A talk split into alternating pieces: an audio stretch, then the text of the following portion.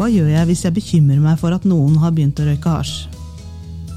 For de som jobber profesjonelt med ungdom i klubb, skole eller andre sammenhenger, vil denne type mistanke eller bekymring kunne dukke opp. Og hva da? Det er tema for dagens podkast.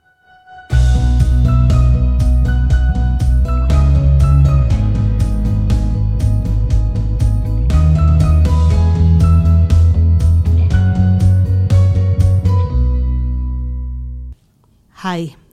Du lytter nå til Lærlingbua, som er en podkast for deg som er lærling i barne- og ungdomsarbeiderfaget. Jeg som snakker nå, heter Hanne Enger Jensen, og som vanlig har jeg med meg en kollega, og i dag er det Gro Blomdal. Vi jobber på Opplæringskontoret for helse- og oppvekstfag, og vi lager denne podkasten for deg som er lærling i Oslo.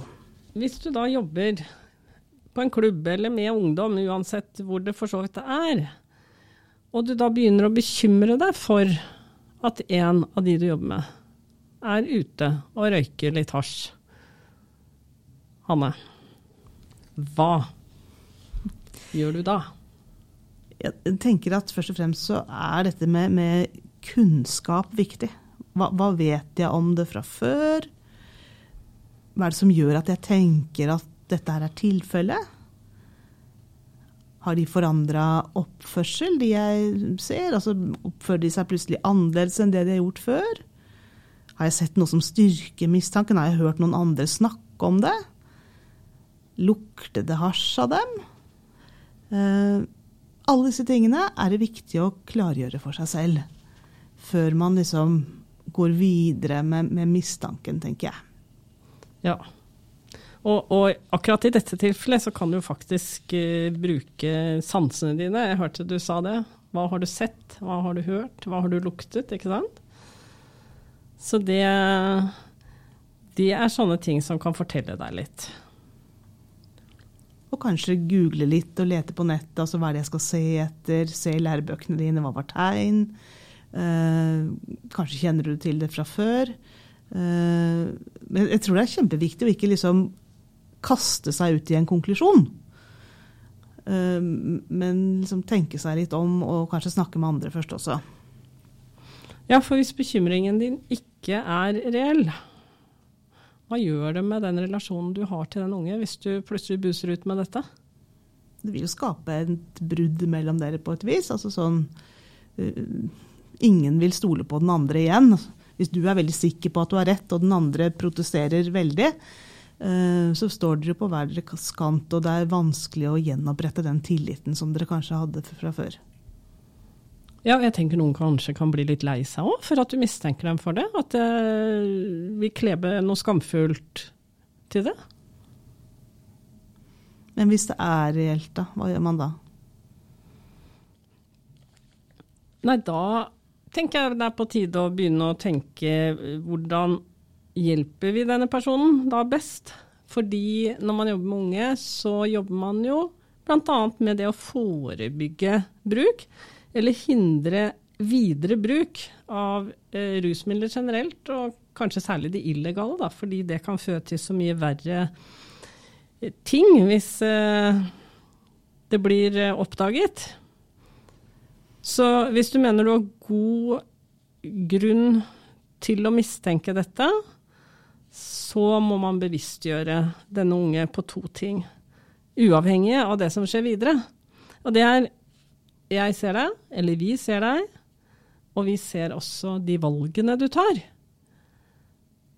Og det andre er vi bryr oss om deg.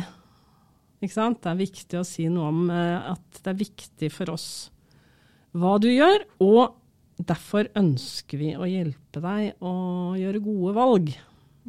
Og så tenker jeg kanskje at selv om man blir at den ungdommen blir irritert uh, og føler seg avslørt, uh, så tror jeg liksom at den tanken om at noen brydde seg, uh, blir viktig i ettertid. da. Når man ser tilbake på, på det tidspunktet hvor man på en måte ble litt avslørt. at man tenker at ok, det var en som så meg, det var en som brydde seg om meg. Ja, ikke sant? Og, og, også det å bli avslørt tenker jeg av og til kan være ganske preventivt i seg selv. Du tror at ingen vet, ingen ser deg, og så plutselig sier noen fra at 'jeg har sett deg'. Og da kan noen, hvis det er litt tidlig i løpet, så tenker jeg det kan være nok for noen til at liksom Oi, dette skal jeg slutte med. Dette fortsetter jeg ikke med. Og det, det, sier noe om hvor viktig det er at de som jobber med barn og ungdom, ser. Um, og at de tenker gjennom viktigheten av å bli sett. Men hvis man står der, så tenker jeg det er kjempeviktig at man ikke skal stå der aleine i en sånn situasjon, selv om man er ferdig fagarbeider òg. Og hvem kan man snakke med?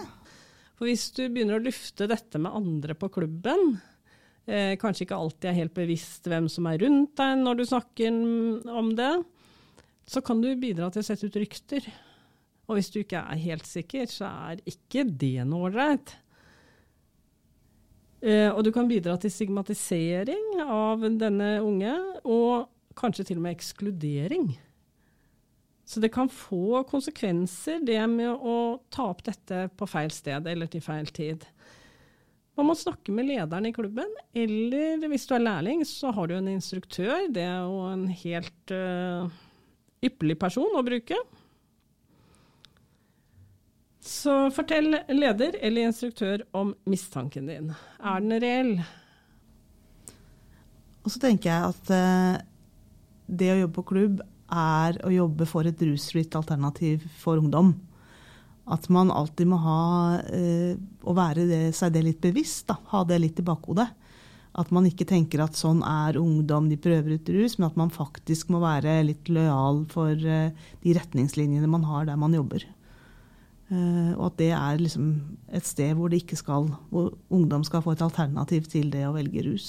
Som i faget ellers, så handler det om å ha et mål for noe og legge en strategi for å nå målet. Og hvis du sier nå at målet er å være et rusfritt alternativ og jobbe for at uh, unge ikke snubler uti rusbruk, så må man jo legge en strategi for hvordan når vi dette målet. Hvordan snakker vi med dem om det, hvordan tar vi det opp?